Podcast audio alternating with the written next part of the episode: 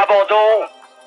Hoeveel kan een mens verdragen? Abandon. L'image est terrible. Uit koers. I think he's abandoning the Tour de France. C'est terminé. L'abandon. L'abandon. L'abandon. L'abandon. L'abandon. L'abandon. Februari 1996. Drie maanden eerder dan verwacht wordt Stefan Hulot vader. Tout se passe très bien jusqu'en février où là, il naît prématurément. De trois mois. Het jochie weegt net aan een kilo, maar verandert het hart van zijn vader in dat van een leeuw. Il pèse euh, un tout petit peu plus d'un kilo et le petit bonhomme me pousse, euh, me pousse à prendre, à devenir tout très grand d'un coup. Stefan Hulot is dat jaar agressief als nooit tevoren. J'ai une, une hargne assez, assez démentielle, comme une révolte. In zijn eerste Tour de France pakt hij meteen het geel. Maar iets klopte niet. Hij had zijn leven gedroomd van dit moment, maar nu voelt hij zich angstig en benauwd. Au fond de moi, je suis euh, angoissé, oppressé. L'abandon. Stefan Hulot vond de wielerwereld hard, gemeen en hypocriet. Zo vertelt hij in 2015 voor een volle zaal.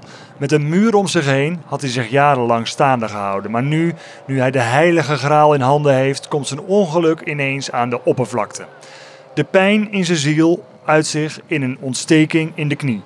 In etappe 7 van de Tour van 1996 worstelt Hulot zich in het geel over de kools. Oh, c'est terrible.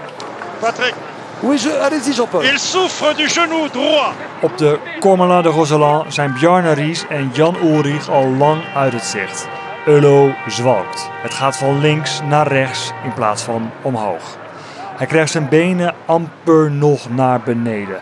Achter hem drukt een renner van Banesto zijn lijf door de mist. Hij trippelt langs Ullo en laat hem als een lantaarnpaal staan. Et Stéphane avance à- avec beaucoup, beaucoup de difficultés. Ullo stopt, gaat naast zijn fiets staan en legt zijn voorhoofd op zijn zadel. Heel Ullo huilt. Voilà, il Patrick, s'arrête, il s'arrête. Patrick voilà. il, il met pied à terre maintenant, Voilà. il va s'arrêter. Et voilà, il pleure à nouveau sur la selle de son vélo. Donc j'avais cette larme, mais au fond de moi, j'avais un sentiment d'apaisement, un sentiment de soulagement. Hij had tranen, zegt Ullo er in 2015 over.